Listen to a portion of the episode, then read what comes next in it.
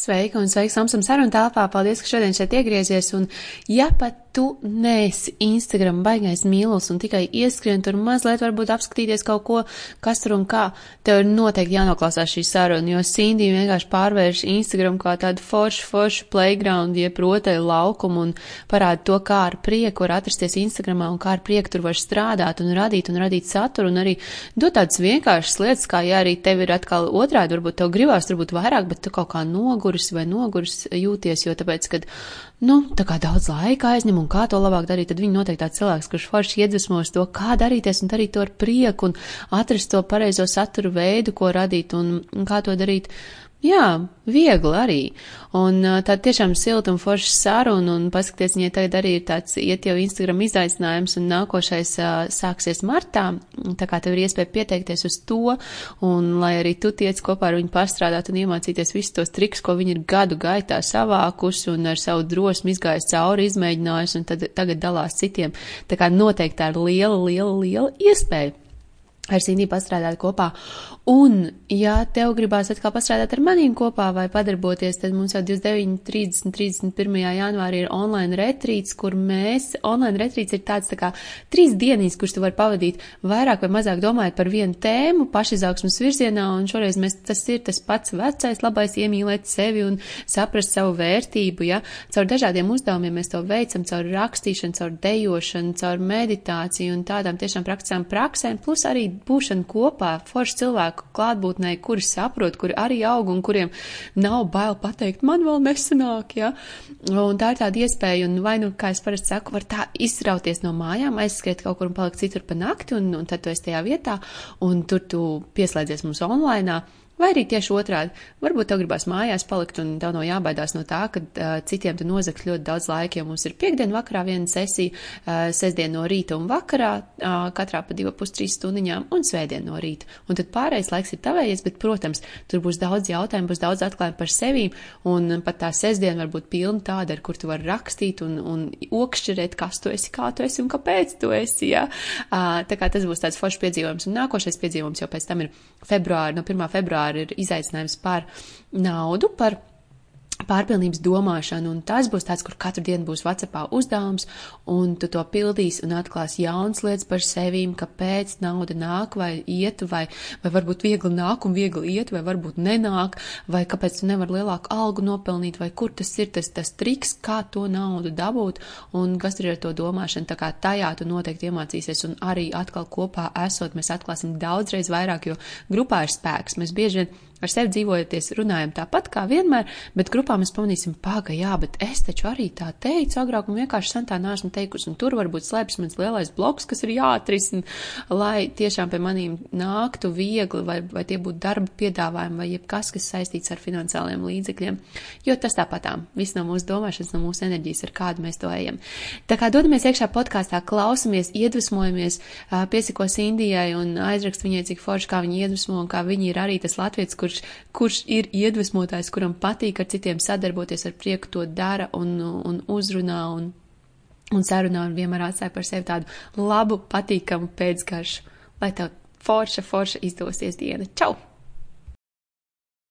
Tā, nu čau, čau, mīļā! nu, sveiki! Kur man labāk skatīties tagad? Uz telefonu vai Zoom? nu, vot mums tāda izvēles iespējas, vai nu tiem, kas vēlāk YouTube skatās, vai tiem, kas vēlāk Instagramā skatās. Tā kā kaut, kaut kā var pa vidu, jā. Um, es gan parasti uz Zoom skatos, jo tā saruna tomēr pēc tam ilgāk paliek un tāda, um, tāda aktīvāka. Tā kā varam uz Zoom, es arī austiņas slēgšu tās, kas ir Zoom. Sev un priekas. Es tūlīt ātri nostabilizēšu sevi. Jā. Super. Tie, kas atkal okay, pieslēdzās Instagramā, uzrakstat, vai ir forši viss ar skaņu, vai labi redzu. Es tevi redzu, es tevi dzirdu. Viss ir kārtībā. mm -hmm. Jā, davai, super. Tā, uh, sveikmījām. Es tevi uzrunāju, Indī, tāpēc, ka um, Klinta īstenībā ir manā manifestācijas izaicinājumā. Un tad ah, uh, viņa jā. bija dalījusies arī kaut kur tur storijos, kad, kad viss kaut kas tur forši jums notiek. Jums arī ir nevis izaicinājums, bet jums ir tā kā kurs, vai ne? Vai tas ir izaicinājums vai kurs? Mm -hmm. Jā, un, un, un, jā. Un, un tad es skatos, es tās bet tā meitene, viņai rītīgi patīk tas Instagram. Es skatos tev, ka nav tā, ka, zin kā, nu, tur citi, esmu tur kaut ko Instagramā daru un tā pa pusītē, bet, ka tu tās 100% iekšā un tev patīk tas, ko tu dari, un tu mīli tas, ko tu dari. Es ceru, ka tā ir taisnība, ka es tā pareizi nojautu. tā, kā, jā, jā. tā kā welcome Oms un sarunu telpā, un paldies, ka šodien esi šeit, un, un, un prieks, ka pateici jā sarunai. Super, liels paldies arī Mauta, ka man uzaicināja parunāties par šo tēmu. Man arī uh, likās ļoti interesanti, ko tu minēji pašā sākumā, ka tu parasti tā kā skaties tā skeptiski un tā šķīgi uz tiem dažādiem interneta kočiem un dažādiem, uh, teiksim, jā, tādiem cilvēkiem, kas veido saturu veidu apmācības un, un tā tālāk. Un tad, nē, bet bija kaut kas tāds, ko tomēr pamanīja manī, pēc, jā, ka, man, ka manī, tu pamanīji to, to prieku un vispār to enerģiju, ar kādu es to daru. Un tā tiešām jā. ir. Jo es arī šorīt liku ziņu savā Instagramā, kā, kā jau pēc savas stratēģijas plāna, ja trīs posti četru nedēļā, tad šī bija, šis bija trīs, kad man bija kaut kas jāieliek, un man nebija nekas īsti ieplānots, bet man bija kaut kas tāds uz mēles gala. Ko lai pasaka šodien? Šodien tiešām atkal pamodos ar tādu labu sajūtu par to, ko es daru. Un principā mm -hmm. to arī bija mans posts. Nu, jā, un tā tiešām ir. Mans hobijs ir pārvērties par uzņēmējdarbību. Un tā, teiksim, tādā vieglā, vieglā valodā saprotami, es sevi saucu par Instagram apmācību treneri. Man patīk palīdzēt maziem uzņēmumiem, vidējiem uzņēmumiem un blogeriem, tātad satura veidotājiem ar Instagram stratēģijas izveidošanu. Palīdzu arī saprast, kā vieglāk šo saturu vispār veidot, ko tas nozīmē, kas ir vajadzīgs. Un, protams, dalos ar visādiem knistiem un arī iedrošinu pārkāpt mm. savus visādas tādas iekšējās barjeras. Tā kā man patīk. Jo es skatos, man liekas, stāstu, es tā ritīgi, ritīgi pārvarējis, jo, piemēram, zini, kas ir ritīgi forši, kas man patīk, tev bija, kā uzstādīt to gaismas riņķi, tādas elementāras lietas, jo mums baigi bieži tu jau arī, zini, tu droši vien tur esi sentajā vidē, tev jau liekas, Jā. kā man sasniegt tur nezinu ko, ja, bet parastiem cilvēkam, kurš tur pa Instagram kaut ko šitā čupojās, ja viņam vajag zināt, ah, ir gaismas rīķis, ah, ar to būs labāks video, ah, šitas, šitas filtriņš dod man to, tās elementārās superīgās lietas, ko īstenībā, nu kā, tas jau arī ir tā tava audience, tā, tas tava, tā, tie, kas skatās, vai ne? Jā, jā, jā, un īstenībā es jau ļoti iedvesmojos arī no tā, ko man sakotāji man jautā, un tā es tā daudz manas satura idejas veidojās, jo skaidrs, ka šo saturus veidoju sekotājiem. Es to neveidoju priekš sevis. Ja? Mm -hmm. es veidoju to sekotājiem, es to veidoju savai auditorijai, kuras esmu iepazinis no A līdz Z. Un, protams, nāk arī jauna klāt, un viņi jau attiecīgi arī saprot, ko viņš šeit var sagaidīt. Jā, tagad tā arī tāda viena no stratēģijām zināt, kādu saturu veidot Instagram. Mm -hmm. Kāds bija tavs, varbūt, ja tu uh, tā mazliet ieskicēji savu ceļu sākumu, tev vienmēr patika Instagrams un darboties kā, kā uz to influenceru pusi, vai arī sākumā tu arī tikai skatījies, vēroji, kas tur notiek, kāds bija tas ceļu sākums? Jā, noteikti, noteikti. Man īstenībā nē, man vispār neprātā neienāca, ka tas varētu attīstīties līdz tam, kas tas ir šodien. Es Instagram sāku veidot arī savu hobiju, pēc tas bija mans kā bilžu albums. Un pamatā es sākumā dalījos ar ceļojumu bildēm. Tādēļ arī tas mans niks Wanderlust, CD Wanderlust ir mans vārds. Wanderlust ir tā tulkojumā nebeidzamā vēlme ceļot, iepazīt pasauli mm -hmm. apkārtni. Un tā, tā es arī sāku vērot savu saturu, neapzinoties, ka tas varētu kļūt par kaut ko lielāku. Uh, Priekš Latvijas šis uh, saturs bija ļoti teiksim, interesants. Cilvēkiem patīk skatīties ceļojumu bildes, un tā es kaut kā ātri tiku pie tiem uh, pirmajiem, man liekas, 5-4 tūkstoši sekotājiem, kas bija tāda bāze. Jā, bet uh, es, esmu, es ļoti ticu tam, ka īstenībā uh, jebkurā sociālā tīklā uh, ir tā, ka tā, mm, tiksim, tā satura veidošana ir tā otrā fāze. Pirmā fāze ir pavadīt maksimāli daudz laika, lai vispār iepazītu šo platformu, kā skatītājs, kā vienkārši lietotājs. Mm -hmm. Un arī es sākumā ļoti daudz skatījos, sakoju līdzi, varbūt nebija tā apzināta satura veidošana, darīju to tā for fun. Bet tad, kad es sapratu, ka es uzķēru to domu, kas šajā Instagramā ir tas, kāpēc cilvēkiem te patīk atgriezties, mm -hmm. tad es sāku arī vairāk un vairāk dalīties ar to visu. Un rezultātā, protams, tie sekotāji sāka nākt arī vairāk. Mm -hmm. Jā.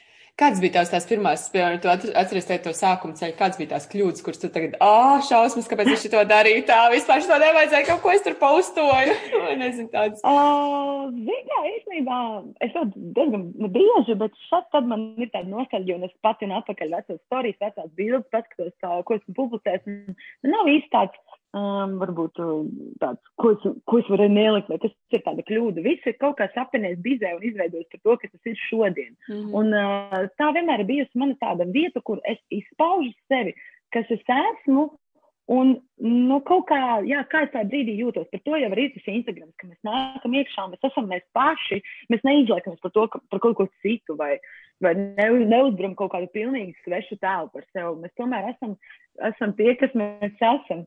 Un, uh, ko lai Instagram lives? šodien, šodien trīs cilvēki. Kārtībā. Jā, nu, lūk, un uh, pie kā es es jau pieliku dojot man domu. Es, es teicu, par to sākumu, par to sākumu man jānok. Mm -hmm. Jā, jā, jā, droši, droši. nu jā, uh, principā, mm, nav man tāda lieta, ko es nožēloju, vai ko es teiktu, ka tā būtu kļūda. Jā, protams, es būtu zinājis jau laicīgi, ka ar Instagram varēs pelnīt un ka to var mm -hmm. attīstīt kā biznesu. Es, protams, jau strateģiskāk, ātrāk būtu veidojis vēl, vēl, vēl lielāku šo autorību, bet es domāju, ka es gana ātri adaptēju visas šīs jaunās mm -hmm. funkcijas. Tikko kā parādījās video storija, es uzreiz sāku tos lietot. Man bija tā, ka Snapchatā bija sākumā video storija, un tad Instagram tā kā paņēma no Snapchat storijas. Un tad es arī uzreiz sāku stāstīt, filmēt Instagram. Tas bija īstenībā tas, kas man, manuprāt, ļoti palīdzēja vispār kā saka, sasniegt lielāku autoriju, jo video ir tomēr daudz, daudz, daudz mm -hmm. spēcīgāks satura formāts nekā bildes. Jā, Arvis man tikko atgādināja, ka es, taču bija laiks, kad storija nebija. nebija video nebija, storija. Nebija, nebija, ne, storija laik. Arī bija tāds, ka nebija storija vispār. vispār nebija, bija tikai feeds. Un pie jā. tam bija vēl kādreiz tā, garlaicīgi. Gāja chronoloģiski, jā, un tu varēji līdz kā iziet un saspiest visiem sirsnīgs, tad bija tā pēdējā bilde, kur cits kā jau bija redzējis, tā, ah, līdz šitai vietai es biju redzējis jau visu jā, posti. Jā, jā. Un tad nāca vēlāk, atpakaļ atkal sakrājās posti, man īstenībā tas ļoti patika, bet tad nāca Instagram algoritms, kas mm. viens to pilnīgi sajauc čupā, un tagad vairs tā nav, tagad ir pilnīgi pēc citiem noteikumiem, mēs redzam postus, jā. Jā. Uh, ko tu redzi tāda atšķirība, piemēram, Latvijas internetu vide, nevis internetu, bet Instagram tieši sociālo mediju vide un atšķirībā no ārzemēm, ko viņi, piemēram, iesaka, tā kā dara to, dara šito, vai tiešām mums ir viss tieši tas pats, ka mēs varam skatīties no ārzemēm, vai ir tā, ka ir mums kaut kādas īpatnības un kas ir mums darbojās tikai? Um, ja mēs runājam par Instagram funkcijām, tad ļoti daudz funkcijas pie mums vēl nav, vai arī, ja būs, tās būs vēlāk. Mm -hmm. uh, līdz ar to mēs varētu teikt, esam tādā reģionā, kur uh, varbūt vēl tā platformas simtprocentīgi viss nav, jā, šeit mums pieejams. Bet, ja mēs runājam par tādām tā kā satura metodēm, tad jā, es domāju, ka noteikti ir vērts, un arī es to pati daru, sako līdzi arī citiem ārzemju blogeriem, youtuberiem, um, arī, teiksim, pašam Instagram profilam ir ļoti daudz vērtīgu mm -hmm. informāciju. Instagram for business, creators un Instagram profils ir trīs oficiālai Instagram profili, un tā jūs varat atrast arī diezgan tādu aktuālu informāciju, gan par algoritmiem, gan par, ja kādreiz kaut kas nestrādā aplikācijā, tad tur uzreiz CEO ieiet iekšā. Yeah. Nu tā, tā kā īstenībā um, mēs lēnāk adaptējam visādas stratēģijas un idejas un trendus, mm -hmm. uh, jo, protams, nu, beidzot tā vienkārši notiek, tas lēnāk līdz mums atnāk. Ļoti daudz var mācīties un skriet no Krievijas īstenībā. Man personīgi pašai nav krievu valodas, diemžēl, mm bet tur ir uh, arī ļoti daudz Instagram trendi, no kuriem var mācīties un iedvesmoties satura veidošanā. Jo tagad īstenībā ir tā, ka šogad ja mēs gribam tiešām būt redzami Instagramā, šis ir tāds, manuprāt, diezgan izšķirošs gads, jo ir jāprot atrast tas atšķirīgais status. Viens ir tas mm pasniegt to um, milnīgi kaut kā neierastākā veidā, piemēram, bildes ar kaut kādiem krāsainiem foniem, dīvainām grafikām, varbūt, Jā. kas vienkārši pievērš uzmanību. Es pat vēl neesmu līdz tam, mm -hmm. bet tas mhm. lēnāk, lēnām ienāk.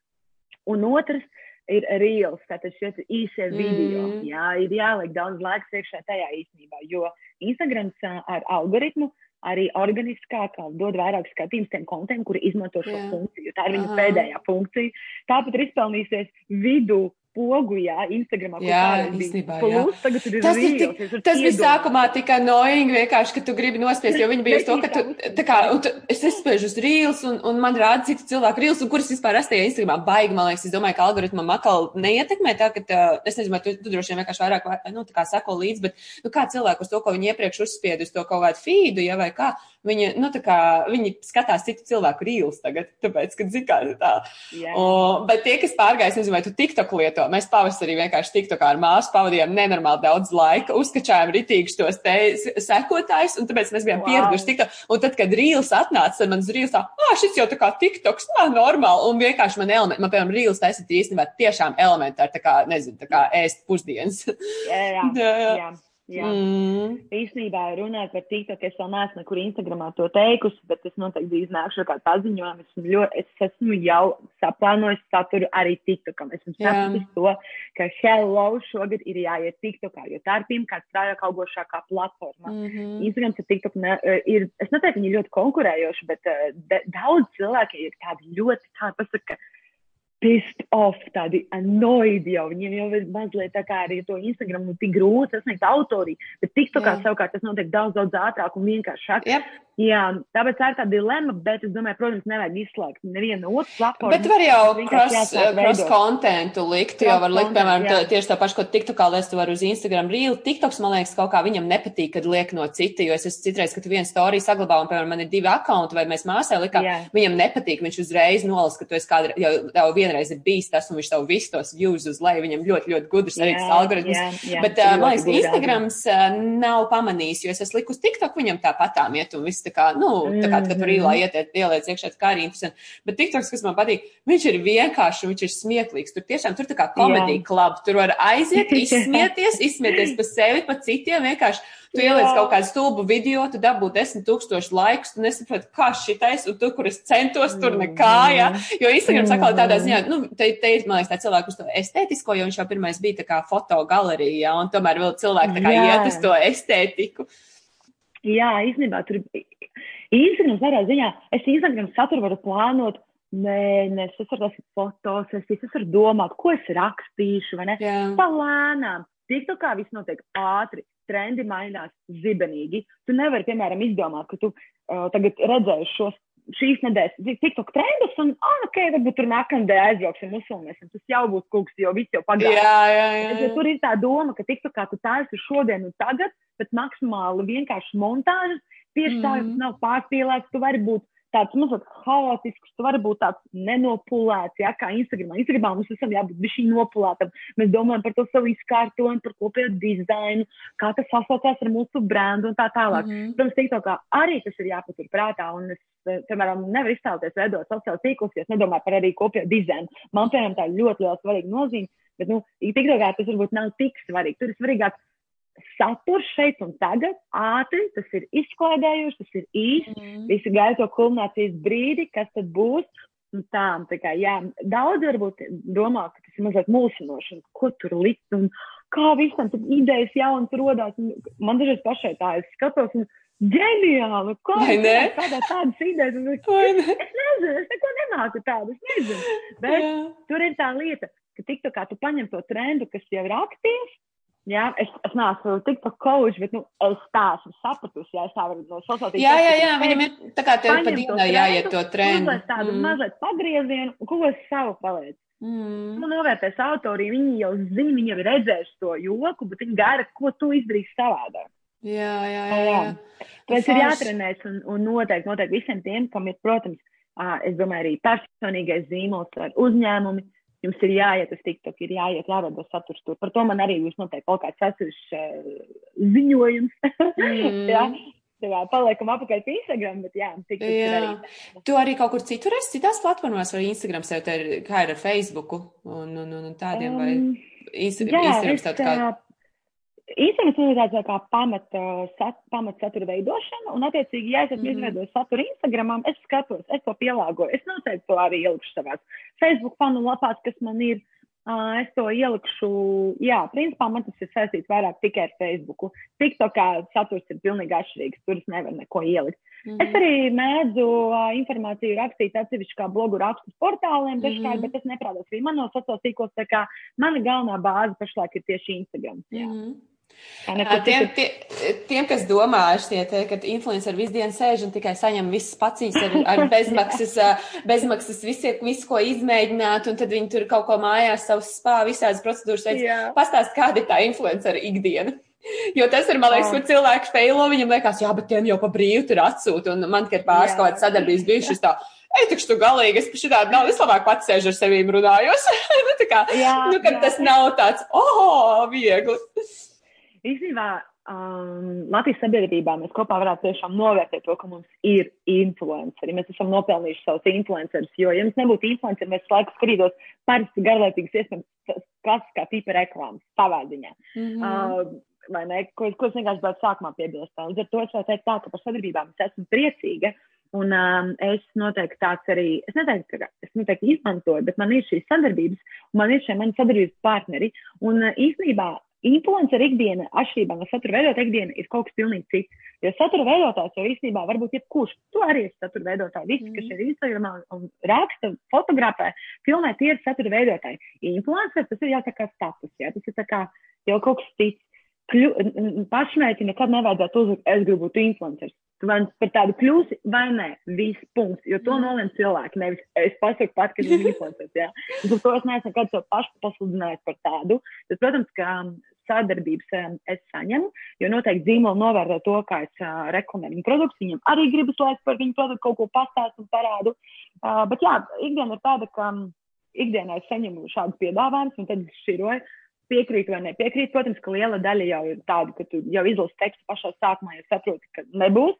Jo man nepatīk, ka cilvēki varbūt neiedziļinās mazliet tā sākumā, nesaprot, par ko ir mans saturs un piedāvā, teiksim, produktu pakalpojumus, kas nu vienkārši galīgi neatbilst. Tā ir, nedariet to. Jā, tas ļoti kaitinoši. Um, tas ir pirmkārt, bet, protams, ir ļoti forši saņemt dažādas iespējas, kuras var izmantot vienkārši bez maksas produktu, pakalpojumus, kurus pretējā gadījumā es droši vien pat arī iegādātos, bet man ir iespēja uh, īstenībā saņemt šo produktu kā dāvanu, plus komunikācija ar vadītāju zīmolu. Tā kā, jo vadītājs vienmēr ļoti interesēts strādāt ar influenceriem un mārketinga cilvēki, lai viņi saprot šo produktu, palīdz mm. viņu labāk paskaidrot, viņu pastāstīt. Nu tā, es, es ļoti priecājos par šo iespēju, jo man pašai bija šī situācija, ka man ir bijis tāda interese, un es uzrakstu, sazinos, un jā, uzņēmumi ļoti pretīm nākoši, un tas tā, nu, tā patīkami. Jā. Vai tiem, kas, piemēram, gribētu, jā, turpin. Es tikai pateiktu to, ka citreiz ir tādas smieklīgas situācijas, ka zīmoli, viņi, kā, nu, viņi ir gatavi vienkārši visu tev dot, lai tik tu reklamē, bet es saku, nē, nē, nē, skatībā, es, es, varu arī pati nopirkt, nu, nav tik trāki, ja nevajag mhm. visu bez maksas. Un, uh, un tad viņi domā, ja viņi, piemēram, man sūta dāvanu, par ko mēs nesam sarunājuši, es viņu saņemšu, tas tā kā pienākums ielikt stāstījis. Ja? Jā. Nu, tas tā, protams, ka nav, bet, nu, bet ir tāda sajūta. Nu, es tā tieši gribēju okay. par to paprasīt, par to ētiku un arī par tiem, kas varbūt, nu, kas Jā. paši grib arī varbūt, varbūt kaut kādu sadarbību, nu, viņam tā gribās. Kā ir, vai, piemēram, tev kā Instagram konta kaut kādam cilvēkam vai tev rakstītiem cilvēkiem un prasīt sveiku, vai jūs gribat ar mani, vai mēs varētu izveidot sadarbību, un arī tiem, kas grib īstenībā to sadarbību pie, pie, nu, piedāvāt kādam no influenceriem mm -hmm. vai kādam no konta, kāda būtu tā ētika un tā foršā tāda apmaiņa, lai, lai abiem ir forši, Jā. jo man ir sanācis arī tā, ka sveiki, mēs jums nosūtīsim dāvanu, un es saku, a, kas dāvaniņā, jā, un es saku, To es nelietoju, tas man nepatīk, un es lietoju citu brendu. Ah, nu labi, tad mēs nesūtīsim.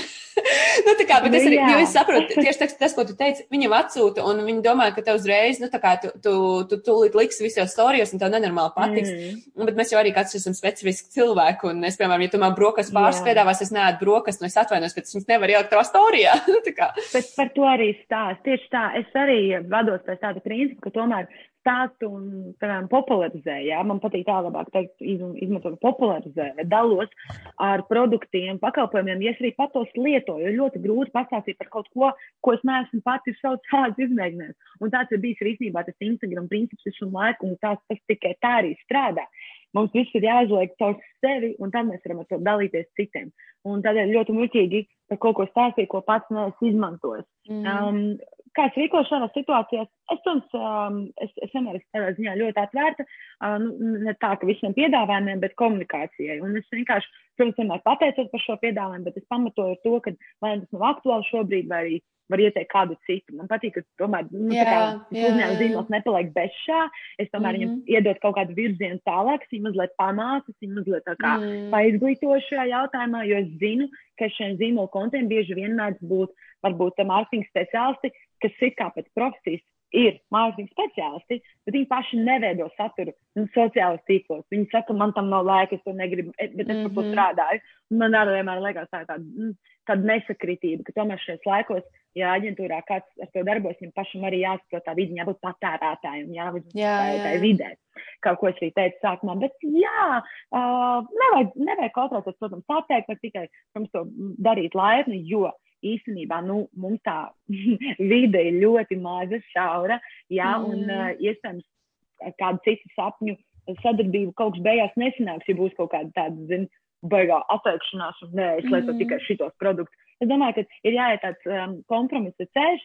Ja jums ir um, tiksim, produkts, kas atbilst šīm manām vērtībām, labprāt ar mani sazinieties. Varam padomāt idejas kopā. Tā kā noteikti vienmēr vajag atstāt, man liekas, tādu pozitīvu garšu, pozitīvu tādu, mm. tādu domu par sevi. Uh, Jā, bet um, ko es vēl gribēju teikt, vai es pati un kad es rakstu pati, jā, un es noteikti to daru, un tas ir pilnīgi pieņemts, to var darīt Instagram vidē, uzrakstīt, jā, un ja ir kaut kāda plašāka informācija jāsūt, to var saskaņot ēpastos, bet īstenībā šeit jau ir pierasts un pieņemts rakstīt arī kā dienas ziņu, un es to daru, bet ar man ļoti konkrēts piedāvājums, un um, es vienmēr skatos, kas ir tie plusi zīmolam, ne tikai man, bet arī zīmolam, un es, uh, nu, attiecīgi ar savu piedāvājumu, tas ir kā, nu, partneris. Es, es uztveru šīs puses kā partnerattiecības. Mm -hmm.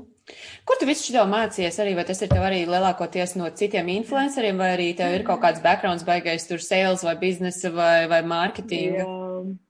Um, nu, īstenībā varētu teikt tā, ka man ir šī iepriekšējā darba pieredze, man ir daudz devusi uh, varbūt tādu sapratni par to, kā vispār uzņēmē darbībā notiek visas šīs lietas. Jo pirms tam, kad vispār internets bija populārs, tad es arī biju mārketinga nozarē. Mm. Es mhm. strādāju mārketinga nozarē, un uh, man ir arī izglītība komunikācijas zinātnē. Tā kā man vienmēr ir interesējusi komunikācija, cilvēki, uzņēmē darbība un tā. Es vienkārši jau no manuprāt, 10. un 11. klases esmu strādājis dažādos mazos darbiņos un tā, un tad vienkārši tā pieredze krājusies.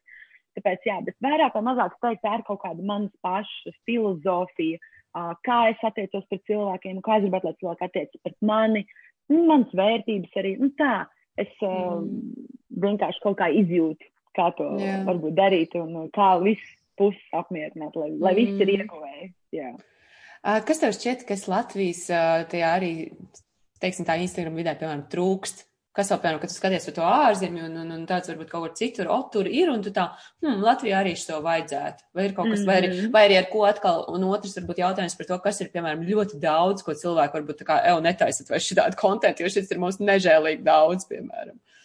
Jā, ok, šie ir divi dažādi jautājumi. Jā, pirmais, ko es pierakstīšot. Kas, kas ir kārtībā? Um, ja es aizmirstu, vai ne? pirmais, kas, ko zinu, kas vēl joprojām trūkst, un es pēc laiku aktualizēju pa laikam, uh, gan ar savām apmācībām, gan komunikāciju ikdienā, mums trūkst uzņēmumu sejas. Respektīvi, ļoti daudz, ļoti forši uzņēmumi, mazie, vidējie, mairažotāji, dažādi tādi īstenībā brendi, kas arī tapuši pēdējā gada laikā, ņemot vērā visu situāciju valstī un vispārējo.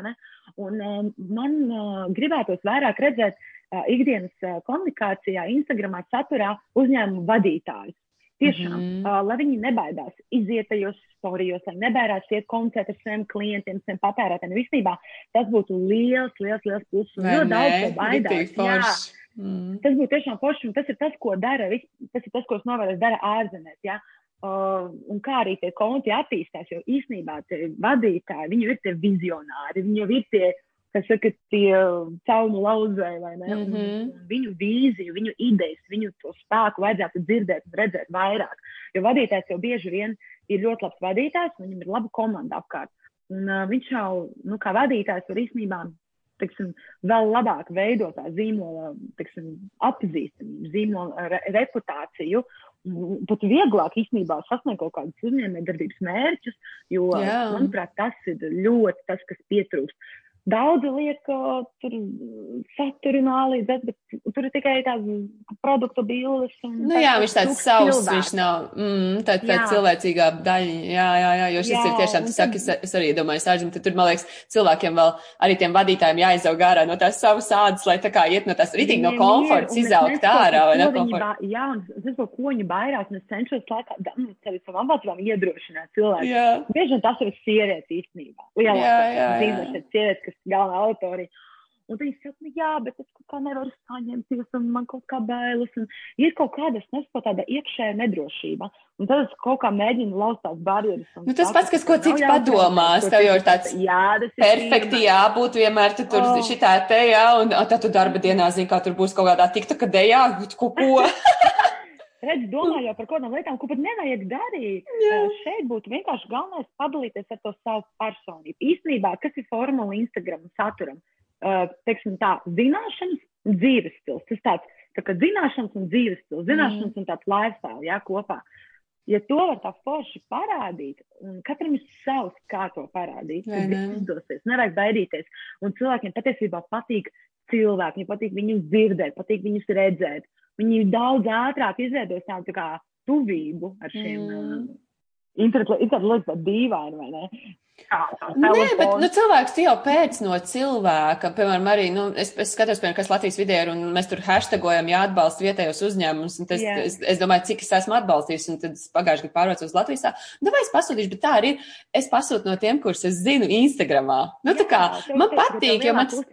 Jā, jā, un ja jau tev ir uzticība, tev ir arī, arī viegli pārdot, tev ir, nu, kā, nu, man jau nav tev jājautā 500 jautājumu, es zinu, ka tu esi forši, un es no tevīm pērku, un viss ir, viss ir labi. Jā, tad tas, jā, jā. Um, Tas otrais jautājums par to, kas tev šķiet, ka ir pārāk daudz, kad visi mm. varbūt tur kopija peist viens otru no kaut kā un, un ir, ir piesātināts baigi. Ir kaut kāda tāda mm. joma, ko tu redzi?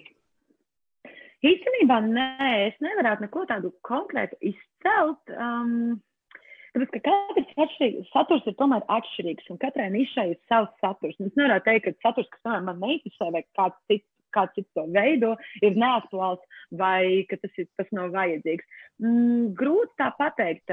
Man liekas, ka katrs tomēr ir savā veidā unikāls. Kaut arī mhm. šī informācija dažreiz mēdz atkārtoties, vienmēr tas pasniegšanas veids ir katram atšķirīgs. Tāpat mums ir ļoti daudz dažādi, piemēram, recepšu konti, ja, make-up konti, modes konti, dzīves stilu konti, bet katrs ir ar kaut ko savu. Un, jā, līdz ar to Vienīgais varbūt ir vienkārši tāda ieteikuma, kā uzlabot saturu, jā, lai sa saturs ir dinamiskāks. Nu, piemēram, citreiz arī palaboju savus uh, sadarbības partnerus vai klientus, satura veidotājs, teikt, filmēt, piemēram, storijas, nu tad septiņi kur pēc kārtas šitādi te vienādi, jā, un, un, un vienkārši iet uz rīņķi, nekas nenotiek. Jābūt dinamikai, jā, varbūt sākumā mēs esam uh, 5 sekundes runājam šādi, bet mēs aizējām tālāk uz visu, varbūt mēs kaut ko, varbūt ieliekam bildi, tad atkal liekam video saturam ir jābūt tādam mm -hmm. dinamiskam, un tā varbūt ir tāda kaut ko es ieteiktu vienkārši palabot, bet ir, oh, ir tik daudz lietas, īstenībā, ko var darīt vēl labāk, vai ne? Bet nav, nav, nav. Man patīk, ka cilvēki dara, ka viņi liek, viņi cenšas kaut kā nesenāk, kaut kā mm. liekas, ka, ah, nav jau mums tik daudz tie laika vai komentāri. Viss kārtībā. Galvenais ir censties veidot to satura bāzi, jo vairāk posti, jo veiksmīgāki konti to arī īstenībā var panelizēt. Latvijas satura veidotāju vidū. Tiem, kam ir šie posti, ja tur 400, 500, 600 uz augšu, jau varam redzēt, ja arī sakotāji ir vairāk. Mm. Ja? A, kam tur ir 150, 200 posti, nu, saprotams, ka ir jātaisa vairāk, jo cilvēki var to īkšķi ātri skrūlēt cauri īstenībā. Tāpēc arī vajag to saturu. Viņam jābūt atkārtotam visu laiku regulāri, regulāri, regulāri. Mm. regulāri ja? Jo dažreiz arī es pati, piemēram, atveru kādu Instagram kontu, es uzdevu kādu interesantu tēmu, Un es varu pavadīt tur pēc 15 minūtes, jā, raidot no viena posta uz otru, uz trešo, ceturto, jo tie kaut kā savā starpā saistīti. Bet, ja tie ir īsi video vai īsi posti, man ir interesanti mm -hmm. paskatīties. Tāpēc saturs ir vienkārši jāveido daudzveidīgs, dažāds un regulārs. Jā, nu jā jāeksperimentē ar viņu. Cik tev ir, cik tu bieži posto? Uh, un kāds ir tavs uh, schedules priekš postošanas un viss tā? Jā, Uh, man ir tā, ka es cenšos uh, postot uh, trīs līdz četrus bilžu feed postus nedēļā, mm -hmm. uh, storijus katru dienu, izņemot varbūt vienu dienu. Bet tikko kā beidzās 24 stundas un tuvojās jau pēdējās kompozīcijas, pēdējās divas stundas, es jau taisu klāt, mm -hmm. lai es laiku ir šie storijas. Protams, man ir bijušas arī kaut kādas pauzes un atkāpes, tas ir normāli, un nav kā robotam jābūt? Mm. Bet es tomēr pieturos pie tās regularitātes, es uh, pieturos pie tā, ka es arī šo saturu sadalu. Ir saturs, kas, kas ir ar garāku, izsmeļošāku informāciju, saturs, kas ir varbūt īsāks iedvesmu, saturs, kas veltīts varbūt vairāk, nezinu, manam internetu veikalam, ļoti dažādi. Mm, bet um, es neplānoju tā ļoti uz priekšu, es plānoju par nedēļām. Man pietiek ar nedēļu, jo man nedēļas, es vienmēr nedēļas priekš dzīvi plānoju, pagaidām mm. tādas darba lietas. Tādēļ, jā, un, bet satura veidošana īstenībā ir plānošana, un es varētu uz tos postus veidot tikai tādā gadījumā, ja man, ja man vienmēr ir šīs aktuālās fotogrāfijas, ko izlikt. Tāpēc reizi pa divām nedēļām es tiekos ar um, citu satura veidotāju, tiksim arī varbūt, kur man ar mani savu kādu domu biedru, un mēs viens otram taisam saturu. Mēs viens otru mm. pabildējam, tad mums ir vesela mape atkal divām oh, nedēļām, forši, un tā līdz nākamajai reizē. Tas ir ļoti svarīgi, jo, ja man nebūtu šīs bildes, nebūtu šī plānošana, mm uh, tas būtu sarežģītāk, jo nevienmēr katru dienu gribas pašai fotografēties. Es tam speciāli noskaņojos, ja man īstenībā tas nogurdina ļoti. Mm -hmm. Video iefilmēšana, man liekas, ļoti vienkārši. Tur nevajag nekādu gatavošanos, vienkārši ieslēdz storiju, runā un viss. Mm. Bet bildes es vienmēr sagatavoju un zinu, kā tagad jau arī tā auditorija ir tāda prasīga, vienmēr ir kaut ko jaunu jānāk klāt, vienmēr jābūt nu, vizuālam šim, šim kas saka, iespējam ir jābūt mm. labam, tāpēc tās bildes arī mēģina tādas taisīt. Nu, jā. Kā sanāk, jā. Tā, lai izklaidētu publiku. jā, jā, tā lai, tā lai, protams, ka patīk pašai arī. Un, nu, tas tāds, man patīk to darīt īstenībā. Man ļoti patīk fotografēt citus. Un, Man arī manā mm. Instagram izaicinājuma kursā ir foto apmācības sadaļa, mm. un oh, tā ir vienkārši vislabākā daļa vispār. Jā. Man ļoti, ļoti patīk cits fotografēt un uh, to izbaudīt. Sev arī patīk, bet cits vairāk īstenībā. Mm -hmm. Kur tu saņēmies to drosmi un to pārkāpt pār tām savām bailēm, arī būt publiski, runāt publiski, radīt tās bildes un, un radīt to saturu? Gan jau, ka tev arī nebija tā, ka tu aizgāji uzreiz Instagramā, o, šā es te zinu visu un es te darbojos un man te viss izdosies. Kaut kādas taču iekšējās bailes bija, vai ne? Um. Zini, kā īstenībā, pavisam, es, es, es negribu kaut kā izklausīties tur savādāk kā citi, vai ne, bet man, es godīgi pateikšu, man tādu baiļu izteikt nav bijis. Man uh, nav bijis bail par to, vai tas sanāks, vai tas nesanāks. Es ļoti ticu sev, un es, es, es nevarētu uzsākt neko, ja es sev neticētu, mm. es neticētu tam projektam. Jo, ja es tam neticu, ja man par to nav pārliecība, es to nedaru un es labāk eju prom no tā, vai vienkārši pat, pat nepiekrītu. Tāpēc, um, ja es esmu pat izdomājis, ka man to vajag, un es tam ticu, un man sagādā prieku, tad es to darīšu, un man nebūs bailes. Un uh, varbūt, lai izvairītos no kaut kādas tādas Uh, šaubām, es pat arī ļoti, ne, es nezinu, varbūt cilvēkiem bailes, jo viņi sāk pētīt, kas viņus skatās un ko par viņiem komentē. Es, piemēram, neskatos, kas mm skatās.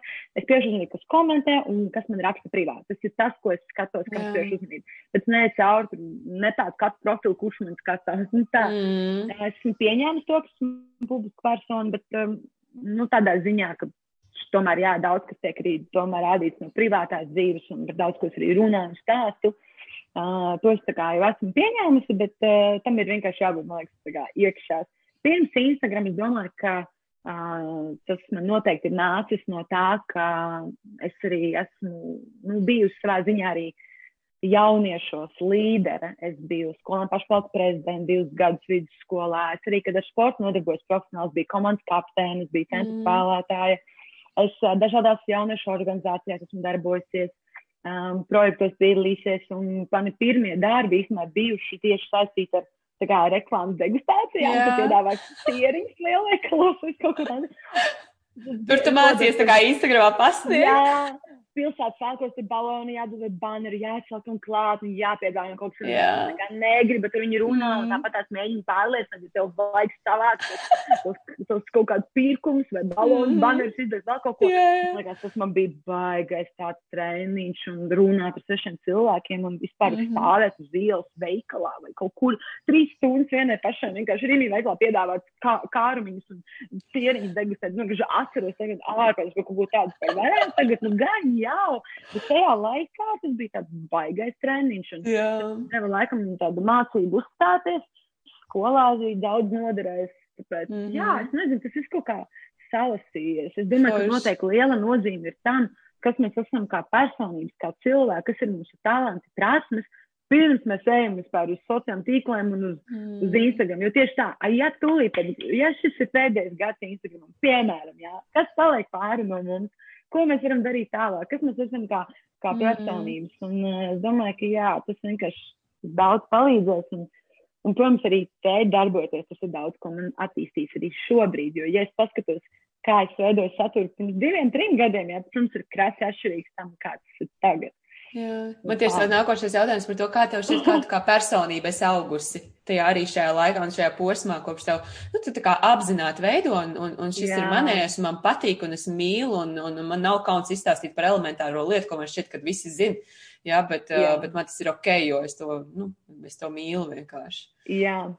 Uh, es, es noteikti, noteikti esmu mainījusies un augšu uz, uz, uz pozitīvu pusi un uz augšu. Noteikti to es noteikti varu arī redzēt savā uzņēmē darbībā, arī pēc tā, kā cilvēki izsaka interesi ar mani strādāt, jo es ne tikai veidoju apmācības, es arī privāti vadu Instagram kontus, um, ikdienā citiem zīmoliem, citiem cilvēkiem arī mm. un konsultēju individuāli. Viņi nāk pie manis pēc tā padomu, jo īstenībā tas, ko ierauga Instagramā, ja tas saturs, tas ir ļoti virspusēji.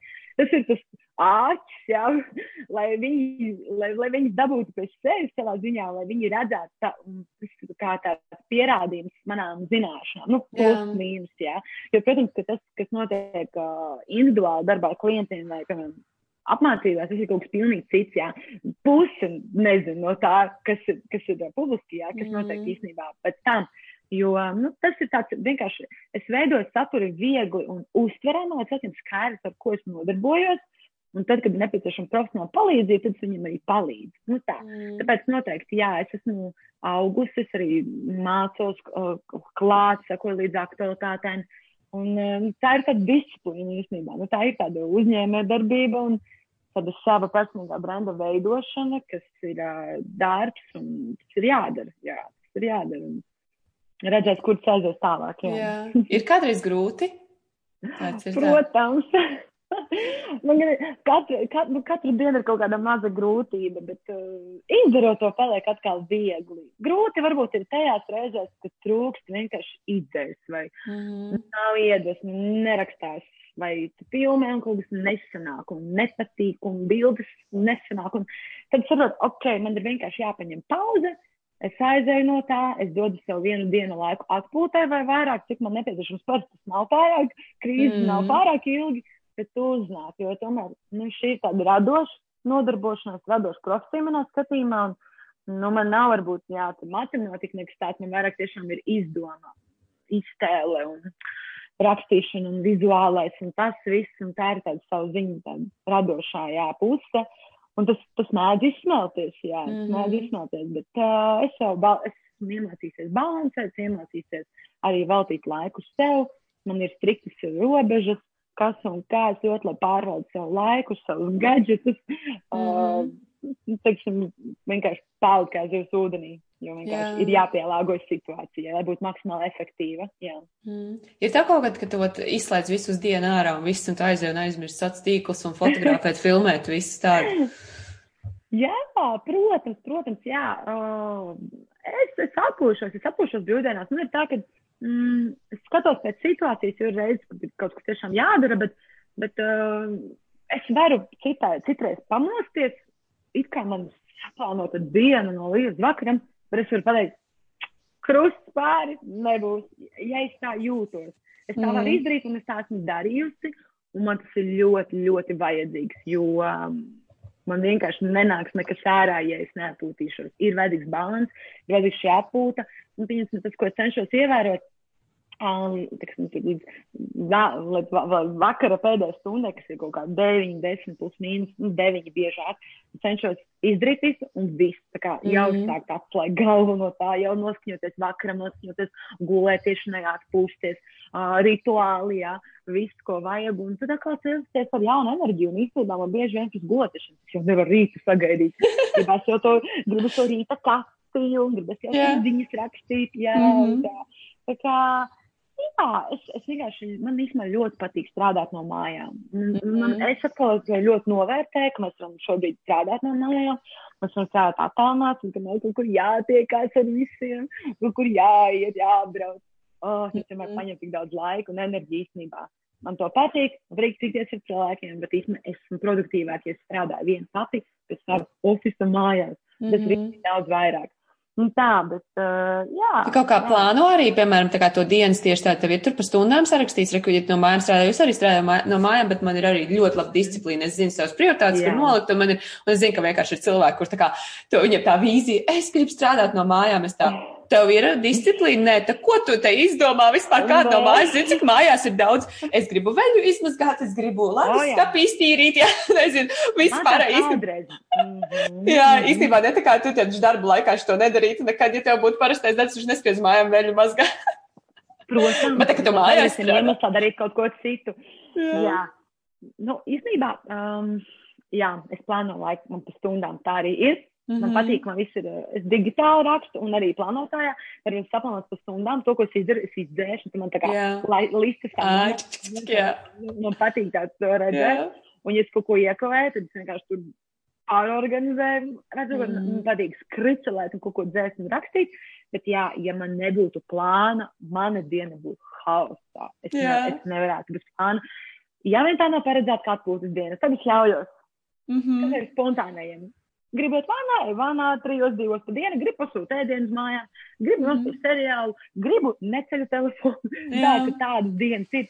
Bet, uh, ja tāda parasta diena, nu, kā darba diena, atbildīga, mm -hmm. nē, prātā sajūtu, es nevaru, man vajag plānu, man pārāk liels ieradums pārāk spēcīgs ieradums, lai es no tā tik, mm, es, mm. es nevaru iztēloties sev bez, plā, bez plānošanas, tas ir vienkārši nereāli, mm. jo neko nevarētu izdarīt pirmkārt, jo var izdarīt tikai tad, ja to plāno. Tātad, kas saturu jāplāno? Kāds ir tās labākais ieteikums pie satura veidošanas? Jo es atceros, kad es kaut kur sāku, man liekas, nu, arī gadi apakaļ, kad uh, vienkārši, ok, tev es paustošu katru dienu. Es tur kaut kādos challengeos gāju, un tad jau tur, tad, tad tur paustoju kā katru dienu, un tad tu pierodi to saturu arī veidot un plānot. Man, piemēram, tagad es īstenībā neplānoju, kad es baigi, bet katru dienu ir Instagram laivā meditācija, un man parasti sanāk tas sat, nu tāpat tā, es kaut ko katru dienu tā kā ielikt uh, kaut ko, un tad vēl papildus ir posts, un tad tur kaut kāds rīls, un, un šādi man uznāk tas, ka, zini, Gerī vīs stilā visu davai močīt, ja, un cits vienkārši tā, es nevaru vairāk teikt, kurš tiktoks rīls, kurš kas tur davai visu atpūt. Jā, jā, jā. Mm. Nu, tā kā, ka tāds, bet, um, bet man ir viegli, es, bet es saprotu, ka tas ir tikai ar pieredzi vienkārši nāc, un tas, ka tu to jā. ilgi dari. Uh, kā tu, piemēram, es nezinu, piespiest man īsti nepatīk tas vārds, bet kā tu iesaki saviem klientiem arī, nu, vai, nu, tā plānojam un liekam, un lai ir tas, tā kā disciplīna arī tam? Jā, jā, jā. Nu, um, pirmais, uh, kā jau saku, ir jāsāk ar to, ir jāapzinās, kāda vispār ir pirmā attēlu arhīvu galerija. Tas ir pirmais. Ja ir bildes, mēs varam ļoti skaistas kompozīcijas veidot, un tad viss mm -hmm. daudz ātrāk. Jo teksts jau vienmēr var izdomāt un, un atbilstoši situācijai arī pielāgot. Tad um, īstenībā ļoti forša metode, man to vajadzētu īstenībā kaut kur izlikt kā free PDF downloadā visiem, mm -hmm. lai viņi izmanto. Um, izprintēt, vēl ar roku uzrakstīt un uh, sazīmēt tā, tā kā Instagram rāmi. Es esmu zīmējis, ritīgi labi, viņš tik labi tev perspektīvu dod. Ritīgi. Tas, tam ir vairāk iemesli īstenībā, jo smadzenēs vispār, tas smadzenes, protams, galva ir mūsu kā kabinets, vai ne? Mm. Bet izņemam kaut ko ārā no tā kabineta, noliekam uz acu priekšā un mēs tā kā radam tādu telpu starp šo darbu Jā. un sevi. Jo, ja mēs tam laikam turam iekšā savā galvā un par to domājam, ir ļoti grūti tam pieķerties, kamēr tas nav kaut kur fiziski mums rokās taustāms. Nu, es tā esmu sapratis, mm. kā man tas strādā. Un tikko es šīs idejas izrakstu uz lapas, ir tāda atspēda tā kā telpa starp mani un šiem darbiem, un kaut kā ir vieglāk uz to paskatīties un optimizēt. Ok, es sarakstīju 12 postus, postu idejas, plus mīnus, sakārtoju to kompozīciju, ko es varu darīt, sagatavošu savu, varbūt kaut kādus datumus, kādus to gribētu mm. izdarīt. Un dot savu laiku, nevajag varbūt uz mēnesi priekš, tas ir pārāk, mm, tas pa daudz. Nedēļu, nedēļa uz nedēļu. Man, piemēram, liekas, tā ļoti viegla metode. Kaut kā sākt ar diviem, trim postiem nedēļā, viena, divas dienas starpā ir pilnīgi pietiekama, viena diena ir labi, divas, nu, kā jau mm. teicu, pēc tādas satura veidošanas aktīvāk varbūt vajadzētu vienu dienu, nedēļ, vienu dienu starpā, jo feedā jau tas pēdējais posts vismaz kaut kādas 48 stundas arī tur dzīvoja, un tad tajā trešajā dienā jau var likt kaut ko tālāk.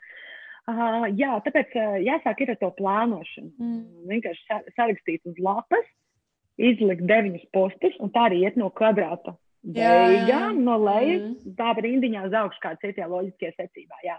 Un tas varētu daudz, daudz, daudz vieglāk palīdzēt. Un vienkārši uz lapas parakstīt, ok, ja tagad es likšu feeda postu, es gribu likt sevi, piemēram, pilnā ķermeņa izmērā. Ja? Mm -hmm. Nākamā bilde, lai būtu labāks dizains, es varētu likt sevi tuvāk. Vai arī var likt kaut kādu tekstu un tad likt atkal sevi. Mm. Galvenais, lai blakus nav vienāds bildes un viena zem otras, pa diagonāli var iet tāda dinamika, mm. kur, piemēram, ir kaut kas tāds. Tad to saturu var droši atsveidzināt ar karuseļa postiem, tad citu grafiskie posti pašlaik ir tāds arī šī gada trends, kas šķirsta karuseli un lasa tekstu. Jo īsnībā Instagrams ne tikai skatās, kāda ir iesaiste, respektīvi komentēšana, šēri, seju un laiks, laiks mazāk, tāpēc to pēdējo nosaucu. Jā. Bet arī cik ir patērētais laiks. Ir cik ilgi, vai ne? Platformā, jā, cik ilgi skatās. Mm -hmm. Jo, ja, piemēram, vidēji tāds sekundi, mēs ieraugam postu, širam tālāk. Mm. Ja 5 sekundes, tad ilgi algoritms domā, ka tur ir kaut kas vērtīgs. Mm -hmm. Un šo postu rādīs vairāk, vai šo kontu jau rādīs vairāk. Tādēļ vajag biežāk to darīt. Tāpēc TikTok lūpu video ir tik populāri. Mēs vienkārši, mēs kā ar māsu, mēs, mēs, mēs tik piedūramies pie tā TikTok un uh, viņi divu mēnešu laikā 130 tūkstoši followeri. Wow. Pēc, pēc, vis, pēc, pēc visamazing uh, Gary Vee nu, metodas mēs pielietojam, bet uh, tie loop video vienkārši, oh my gosh, tas ir tik smieklīgi, ka, zin kā, ka tu skaties, ja, un tev liekas, kur viņam ir gals, jo neredz, ne, nepiefiksē, ka tu esi noskaties to video trīs reizes, līdz ar to Jā. algoritmām vienkārši ideāli, ja. Tā, nu, tā kā, un, un galvenais, ka tu visstulbāko video ieliec, un vienkārši, nu, tā kā tev, tev, jā, tas algoritms uzreiz tev uzsit uz augšu, un tas baigais arī ir tā kā tā. Ideja, šī ir jāpiefiksē. Jā, loop, loop, loop video video ļoti, ļoti. TikToks vispār uz šito baigi, jo viņam tas algoritms tāds, es saku, tur, ka zino stilu, kur būs, būs nebūs, būs tāds baigais, bet, nu, baigais mācību tādu stundu, un viņi tur bija baigi izkodas visu kaut ko cauri. Um, tā kā, jā, jā, jā. Tas nebija dzirdējusi, ļoti interesanti. Jā. jā, jā, jā. Es nezinu, kā Rīlā. Rīlā noteikti arī varētu kaut ko. Ja tev vienkārši iet tā kā, ka tu filmē, nu, ka tev ir principā viens teksts un tev ir kaut kāds video un izskatās, ka tā kā tur būs vēl. Tur ir parasti tam tik tā kā bija tā kā wait till the end un tu gaidi tu gaidi, tu gaidi, tu gaidi, tu gaidi, un nav, un tad tu saproti, tu jau piecreiz noskaties. Un, ja tu zini, ka tas algoritmam palīdz, tā, fuck it vienkārši. Tas ir kā tā kā, damn it, jā, tā kā viņa, es uzķēros, jā. Jā, tas rītīgais, jā, jā, jā. Bet, tas ir rītīgi forši. kā tev dom, kā domā, vai tev ir arī vieglāk pieiet, piemēram, savam tam kontentam, tam saturam, tāpēc, ka tu to veido kā biznesu? Jo, nu, man liekas, ka ir arī tā, ka citreiz mm -hmm. ir tie cilvēki, kas, tā kā, saka, o, ir kautrīgi, es nevaru iziet, ja, un man arī, kamēr man bija vēl tāds, o, es te kā, kā, kā monta, kā kaut kāda tā ideja savā galvā veidoju, man bija savādāk, kā es sāku kā biznesu, es vienkārši, es tā arī pasaku, es tā cilvēku, ar, šis ir biznesa akauns, nu, tā kā, šis ir, šis ir mans biznes. Un ir tik nenormāli viegli taisīt, jo tu neuztver Jā. personiski, tu neuztver nekādas pārmetumus, kaut kādu kā aizvainojumu, mm. tev vienkārši biznesa. Īstenībā ļoti interesanti tā doma pateikt, par ko es nebiju aizdomājusies, jo varbūt par to pat arī ir jāsāk, jā, kā, kāda attieksme pienāca vispār Instagramā, jo, jā, varbūt cilvēki domā, ka negrib īpaši dalīties ar savu privāto dzīvi, bet tie pašā laikā varbūt viņiem nav īsti, varbūt saturu, ko viņi varētu veidot, kas atbilst tādam biznesam, piemēram, vai ne? Un tādā ziņā es noteikti piekristu un teiktu, ka jā, tikai tāda iemesla dēļ, ka es, es zinu, ka es to daru citiem, uh, lai viņiem ir labi, jo mm -hmm. man būs labi, tad man nav to grūti darīt, un tas padodas ļoti viegli. Jo galu galā es jau, un arī tu, ja, mēs jau darām to, kas mums padodas vislabāk, Jā. un tāpēc arī nav to aizspriedumu, un es domāju, ka noteikti ka tā arī ir.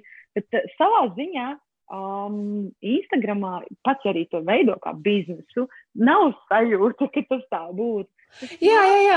Vairāk, ah, man liekas, tu reku pateici baigot to keywordu, tā, nu, tas fokus, ko mēs arī, piemēram, arī kā, jā. kā, kā skolotāji mācīja, vai tu tā kā fokusēs, ko par mani padomās, kas tur sliks, tev fokus tā kā ir sevi, sevi, sevi. A, kā tu sāc domāt, tā kā pagājuši šo video, ja es šim cilvēkam palīdzēšu, tāpēc, ka viņš man pie, atrakstīja un prasīja par šo. Tā. Ja viņš, man, ja viņš man atrakstīja un prasīja par, piemēram, šo tēmu, un es kaut vai tam vienam Jā. palīdzēšu, tu uzreiz tu aiziet, tu aizmirsti visu par to, kas tev, kāds tev pārmetīs, karam neinteresēs. Tu zini, ka tam vienam cilvēkam interesē, tu ej un taisi, ja, un cits, Jā. protams, pavalkās līdzi uz kaut ko, un tas ir vienkārši fokus, ja tu domā uz citiem, bet labā nozīmē, nevis tu baidies. Noteikti. Noteikti ir tie jautājumi, ko dažos jautā, vai par ko palūdz uh, viedokli vai padomu, man ir skaidrs, ka tas noteikti interesē vēl arī citiem. Tā ir saistoša tēma, un, un tas noteikti būs aktuāls arī citiem cilvēkiem. Tādēļ, jā, tā ir tāda, nu, tā, tā ir mm. tāda apzināta darbība, tā ir apzināta satura veidošana, un uh, tādēļ ir interesanti meklēt šīs zināšanas, meklēt šo pieredzi, tam visam cauri. Un, jā, bet uh, īstenībā, uh, tad, kad man sākās Instagram biznesam tā pamatīgāk, ja, kad es sāku arī veidot savus online kursus, tad tā pirmā reize arī bija īstenībā godīga sajūta, ka, ka tas ir kā eksperiments. Un es nezināju, ko gaidīt.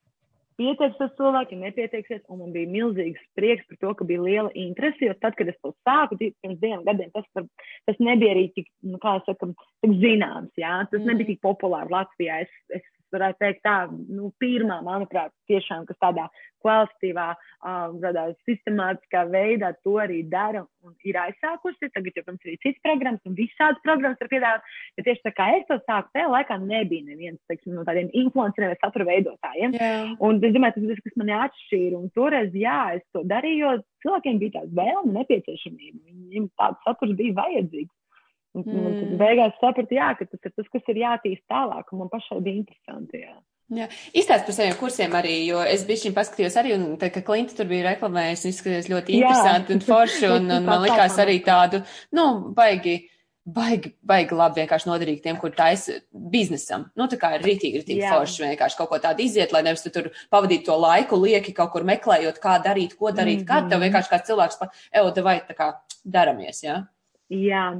Jā, īstenībā um, pamatā jā, šis uh, 31 Instagram izaicinājums ir tieši fokusēts uz satura veidotājiem vai uzņēmumiem, tad, tad satura veidotājs arī var būt savs personīgais zīmols, līdzīgi kā, piemēram, tu un es. Mēs veidojam savu, uh, savu saturu par kādu konkrētu tēmu, Un uh, ar to arī var pelnīt, var arī vienkārši to uzlikt kā mērķi. Veidot saturu ir ļoti dažādi. Bet noteikti šis kurs palīdz, jo um, programma sastāv no četrām daļām. Uh, katru nedēļu, tad šajās četrās nedēļās, uh, no pirmdienas līdz svētdienai ir konkrēti uzdevumi. Un uh, katra nedēļa ir kā tematika. Līdz ar to ir pietiekami tāds ilgs laiks, lai visam tā sulīgi iziet cauri, mm. tā varētu teikt. Un šajā visā tas patīkamais un pozitīvais ir tas, ka tas ir ne tikai grupas darbs, kurā mēs visi kopā esam, bet arī katra paša individuāls darbs un darbs ar mani divi tā. Mēs kā, no visām pusēm ļauju dalībniekam pašam darboties, es kočoju, eh, iesaku no malas, ko un kā labāk darīt, dodu padomus un arī kaut kādas lietas parādu. Un trešais ir tas grupas atbalsts, kā grupas faktors. Mēs visi esam kopā, mēs to darām un ir vieglāk. Un tad mēs nejūtamies vieni paši. Jā, grupai ir tāds spēks. Mm. Jā, un man patīk arī redzēt šīs transformācijas, kādi ir šie profili. Iestājoties, kādi viņi izstāsta pēc tam. Mm. Mēs veidojam postus, mēs mainām visu to dizainu, jo lielākoties visi atnāk ar tādu tā kā bardaku, gribas sakārtot. Yeah. Un es viņu tur kārtoju, griezu, domājam. Mm. un jā, un beigās sanāk skaists rezultāts. Pats labākais tas, ka viņi to turpina. Turpina pat tad, kad kurs ir beidzies. Viņi ir vienkārši tādi, huh, audzēkļi mm. palaisti, un viņi tā paši zina visu. Un man liekas, izējot šo kursu, tā kā ir tās pamatzināšanas, neviens nevarēs apčakarēt, ja? mēs, mēs kādu citu jau varēsim pamācīt. Vienkārši būtu tāda, tāda tā kā, manuprāt, laba zināšanas par mūsdienu sociālo tīklu tādu vispār jēgu un kā, kam tas vajadzīgs. E, man šis kurs tagad arī notiek jau 14. reizi, Tūlīt tuvu jau 300 cilvēki būs izgājuši šīs apmācības. Mm -hmm. Tā kā skaits ir tiešām, man, manis ļoti liels sasniegums, ņemot to, ka katreiz grupā ir aptuveni 30 cilvēki. Tas ir tāds diezgan pamatīgs darbs. Visas šīs 30 dienas, bet tas ir tā vērts. Un uh, tas ir labs rezultāts. Jā, un, un, un Kad tev ir, um, kad tev ir nākamie? Tev ir plānots, vai, vai tad, kad jā, beigsies, tad varēs uzzināt? Ir jau kaut kāds datums, ja nākošajam? Um, es droši vien vēl datums noprecizēšu par tā tu, tuvāk beigām, jo zinu par nākamo, jo es arī parasti paņemu tādu mazu pauzīti uh, mm. pēc iepriekšējā beigām, ka tagad beigsies 9. februārī. Tad būs noteikti vēl pieteikšanās laiks. Es domāju, tā būtu mārta sākums, pats pats mārta sākums, vai arī februāra beigas, jāsaka pēc situācijas, bet ir jau kontaktliste, kas jau gaida nākamo. Super. Un, un, un tā. Jā, citreiz ir tā, ka nokavēju šo pieteikšanos, un tad es piedāvāju alternatīvu iziet ātru apmācību ar mani individuāli, jo vienkārši šodien tiešām cilvēkam ir ato mm. vajadzīgs, uh, saprast pāris vai izlikt savu nākamo, nezinu, ceturkšņu stratēģiju, tad mēs tā ejam kopā cauri un domājam, bet citi arī ir gatavi pagaidīt un vienkārši darīt arī savu mm. prieku izaugsmu pēc. Un tā, tā kā Ir kā sports zāles abonents uz vienu mēnesi. Jā, sports zāles abonents. Instagram fitness. Instagram fitness ideāli. Klā, mamā pēdējais jautājums pie šī Instagram. Piemēram, ja kāds meklē kādu citu cilvēku, kurš viņam var taisīt Instagram feed un visu, nu, tā kā, kurš, kurš tiešām arī tas uzņēmējs, kuram tā kā, nē, es te neņemšos, ja, bet kādu citu. Kāds jautājums, lai, kā lai tu saproti, ka tas cilvēks ir, jo katrs taču Instagramā var piedāvāt, ev, es arī māku, jā. Ja? Bet ne visi mm. māk. Kāds jautājums tas uzņēmējs var uzdot, piemēram, arī tiem cilvēkiem, kur, nu, tam cilvēkam, kuru viņš gribētu pieņemt darbā, kurš viņam to feed taisīs? Jā, uh, protams, pirmkārt, es, es gribētu teikt, ka jāpaskatās arī, vai šīs gaumas sakrīt. Jā. To var noteikti novērtēt no iepriekšējiem darbiem. Ja, piemēram, šīs uh, uzņēmējs saka, ka viņš ir gatavs vadīt kontu, tad noteikti būtu vēlams mazliet paskatīties, kāds ir tas raksturs un teiksim, tas komunikācijas stils, ko varētu novērtēt balsoties uz iepriekšējiem mm. portfolio darbiem. Jā, iespējams, tādi ir. Ja nav, tad uh, pirmais uh, kriterijs, pēc kuras mēs skatīsimies, būs paša profils. Uh, Jā. Tāpēc jābūt noteikti sakārtotam labam savam profilam vai arī labam portfolio. Jo, mm. ja, protams, visi jau sāk bez pieredzes, visi sāk ar kaut ko, bet tad vislabākais sākums ir paš, paša profila veidošana. Tas, kā to darīt. Jā. Pašam ir jābūt savā profilā rezultātiem. Manā skatījumā. Protams, ir mārketinga speciālisti, kas tiešām fokusēs uz citiem, un viņiem varbūt to savu profilu nav īpaši interesanti attīstīt Bet, bet tad būs arī portfolio. Mhm. Jā, tad tas ir portfolio, ar ko viņi var padalīties. Um, dažreiz varbūt tāds, um, jā, varbūt tāds ne, nesaprašana, tas apjoms par, par, attiecībā pret samaksu, cik, cik tātad varētu par šo pakalpojumu prasīt vai, vai maksāt. Arī tāds mm -hmm. bieži vien jautājums. Protams, tā ir katra individuāla lieta, bet es domāju, ka ir jāvērtē pēc postu biežuma Un noteikti ir jābūt arī klāt papildus lietām. Tātad tie, tās ir ne tikai bildes un teksti, jo bieži vien bildes ir sagatavotas pats uzņēmējs, viņš to arī biežāk dara. Uh, tad ir jābūt šīm te teksta prasmēm, kompozīcijas veidošanai, jā, uh, jābūt arī sapratnē par to, kā veidot šos video, un noteikti mm -hmm. sadarbības ar uh, satura veidotājiem influenceriem. Tātad mm -hmm. kaut kādas uh, zināšanas par mārketingu, jo mm -hmm. uh, nu, tam ir visam, manuprāt, tādā pakeģā arī jāiet kopā. Yeah. Tas, tad ir jājautā, vai tu vari darīt arī visas šīs lietas. Mm -hmm. jo īstenībā, nu jā, konta vadīšana ir satura veidošana un īstenībā arī mākslīga aktivitāšu plānošana. Mm -hmm. Kādas ir aptuvenās cenas Latvijas tirgu arī šādiem cilvēkiem, kurš, piemēram, tie arī, nu, gan jau pie tevis mācās cilvēki, kuri to dara pēc tam citiem cilvēkiem? Uh, Kāds ir aptuvenās, mhm, piemēram, lai tu mhm. mēnesī uzturētu kādu kontu vai, vai no, no lai, lai iedot ideju, piemēram, arī, jo bieži vien, zins, ir cilvēki grib, es, ko novēroju pēc saviem, ja viņi grib, bet viņiem šķiet, ka tas ir nenormāli dārgi. Ja? Jā. Es zinu, es savus ceļus esmu visādi atradusi arī, tas man uh, Fivers un visiem pārējiem, un tas ir nenormāli lēti un ekonomiski laika ziņā. Jā. Mm -hmm. Tur tā piekrīt īstenībā, um, ārzemju resursi būs izdevīgāks nekā vietējais. Mm -hmm Latvijā mums tādā ziņā cilvēki un es strādāju par kapēju, kā, kā varētu teikt. Yeah. Viņi dažreiz pat par labu naudu negrib strādāt. Nu, tā ir. Mm -hmm. um, līdz ar to nu, tāds vidējais, ko es teiktu, būtu par, uh, par viena posta sagatavošanu plus storiju kompozīciju dienas ziņas, tas ir 10 eiro. Tad, mm -hmm. piemēram, ja mums ir 10 eiro par vienu postu un storiju klāt uzreiz, jā, jo vienmēr mēs liekam postu, mēs liekam arī storijas, nevajag tur būt daudz, vismaz trīs tad uh, rēķinot, piemēram, vidēji tie varētu būt 20 postu nedēļā, tad 200 eiro, nu, tālāk nāk klāt vēl video veidošana, sadarbības, nu, varbūt kaut kāda vēl bonusi, mm -hmm. jā, nu, plus, mīnus 300, 350 plus PVN vai kā savādāk, jā, mm -hmm. bet noteikti ne 600, ne tur 1000, ja tas nav pilns slodzes darbs, jā, jo, yeah. nu, tas ir tomēr outsourcing, tas ir, uh, Um, tā kā, nu, jā, tas ir outsourcing, un tas ir vienkārši kā ārpakalpojums. Tas nav kā, varbūt, tur puslodze, jā, tas nav aizņem puslodze, konta vadīšana, nē. Tu, līdz ar to, jā, un pilnīgi mierīgi īstenībā tie, kas startā to sāk, 4-5 šādu klientu, un ļoti skaisti aug īstenībā, mm. tādā no mājām. Tos uzdevums ir vienkārši uzrunāt. Un es gribētu teikt, ka ir cilvēki, es zinu, kam tas ir vajadzīgs, sāciet ar vienu, Tās ir par mazāku maksu, mm. attīstieties un ejiet tālāk. Un jūs ieteiks, jūs ieteiks, un tā tieši ir tā. ļoti laba, manuprāt, tieši tāda nodarbošanās, ja interesē kontu vadīšana. Jā, un mm. to var teikt no jebkuras pasaules vietas. Tieši tā, jā, jo man arī ir, nu, daudz, tā kā ir, ir prasījuši, nu, tā kā, un man pat īstenībā nav ko tā baigi ieteikt. Kā ar konsultācijām arī, piemēram, tā, kad aiziet tā kā pie tevis pakonsultēties vai arī pie citiem, jā. arī tas, tas tā cenu kaut kāda amplitūda. Um, ir vēl konsultācija, tas ir katra individuāls darbs. Un, To, to es parasti skatos, tas ir pēc apjoma, pēc mm -hmm. kas ir vajadzīgs. Tāpēc, jā, uh, tiem, kam ir interesi par privātu konsultāciju, tie var man rakstīt. Es varu pateikt arī cenas un visu, kas ir iekļauts mm -hmm. šajā mhm. pakalpojumā, bet, nu, jā, tas ir katrā individuāli, jā, -hmm. jo tur tiešām ir, kas, kas tiek izdarīts vai mm -hmm. kas mhm. tiek, teiksim, tiek piedāvāts arī pēc tam.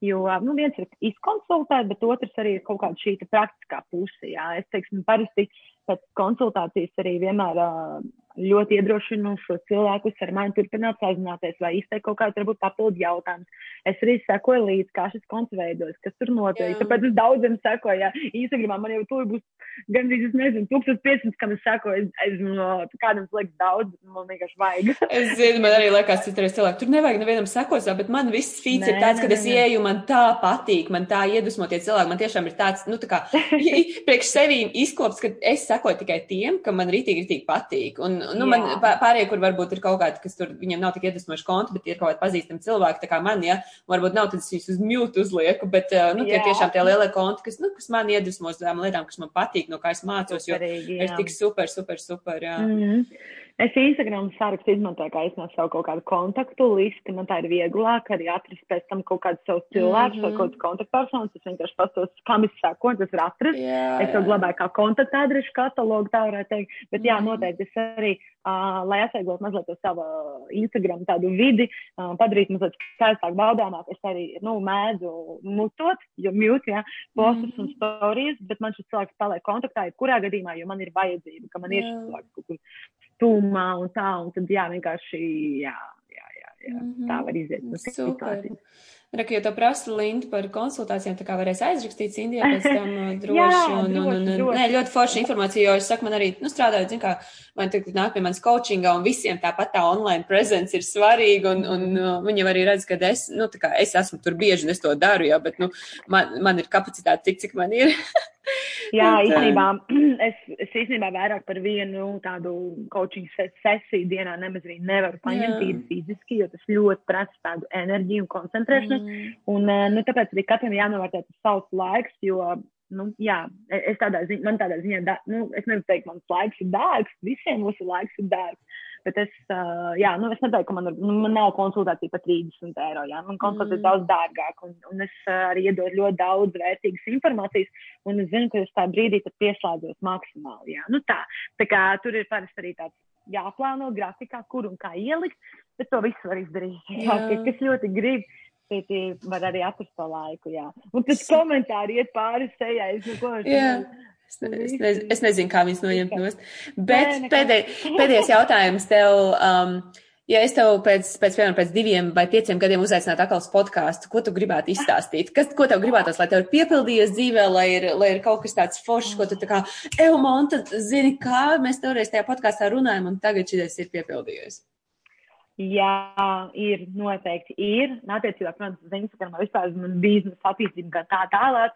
Tad es ļoti gribētu, lai mūsu nākamajā sarunā pēc dažiem gadiem, trim, pieciem, kad, kad tas būs, lai es jau varu stāstīt par savu komandu, lai es jau varu stāstīt un dalīties ar projektiem, kas ir izgājuši ārpus Latvijas. Jo es uh, visu pašlaik daru vien pati, un man tas patīk, un man ir bijuši pirms tam īslaicīgi tādi asistenti, palīgi, mm. uh, kas strādā ar mani kopā, bet es ļoti gribētu attīstīt un veidot tādu lielāku komandu ap sevi un strādāt ne tikai ar Instagram, bet ar citiem sociāliem tīkliem un vairāk iet uz uh, interneta personību veidošanu, uz vizuālo identitāti. Man patīk fotografēt. Tāda imidža, jā. imidžu veidošanu, jā, man ļoti patīk. Un um, tā kā tāds PR, kā, PR tādu komunikāciju jā. veidot cilvēkiem, man ļoti patīk to. Un es gribētu vairāk tādus, uh, jā, uz to tā ej, tagad jau tā domās, un gribās. Vai es tev varbūt pirmais zaķīts šitais te zīmīšu? Izmēģināt trusīt.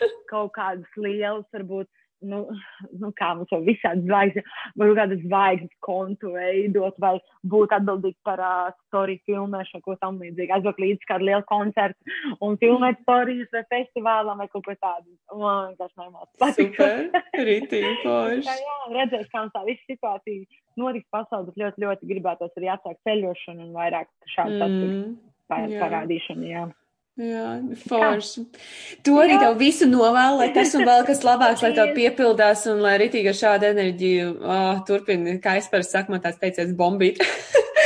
Bet tā rītīgi, tā tur rītīgi arī tik forši, nu, nu tā enerģija saka, es tas paskatījos un tā kā no sākuma es teicu tā, mm, bet ne, bet viņai vienkārši, viņa ar tādu enerģiju to dara, tas ir superīgi vienkārši. Kāpēc, lai ar tevi vispār nestrādātu vai kāpēc tev ne, nesekotu, jā, tā kā, uh, paldies tev un. Um, Un, jā, un, tiekam, un tiekamies tad tajā nākošajā podkāstā, kurā tu mums visi izstāstīsi. Jā, noteikti, noteikti. Es gaidu jūs uzdotām, lai tev arī izdodas. Arī tev sekot līdzi un tām mm. aktivitātēm. un paldies visiem, kas pieslēdzās. Jā, paldies. Mm. Čau, čau. Super.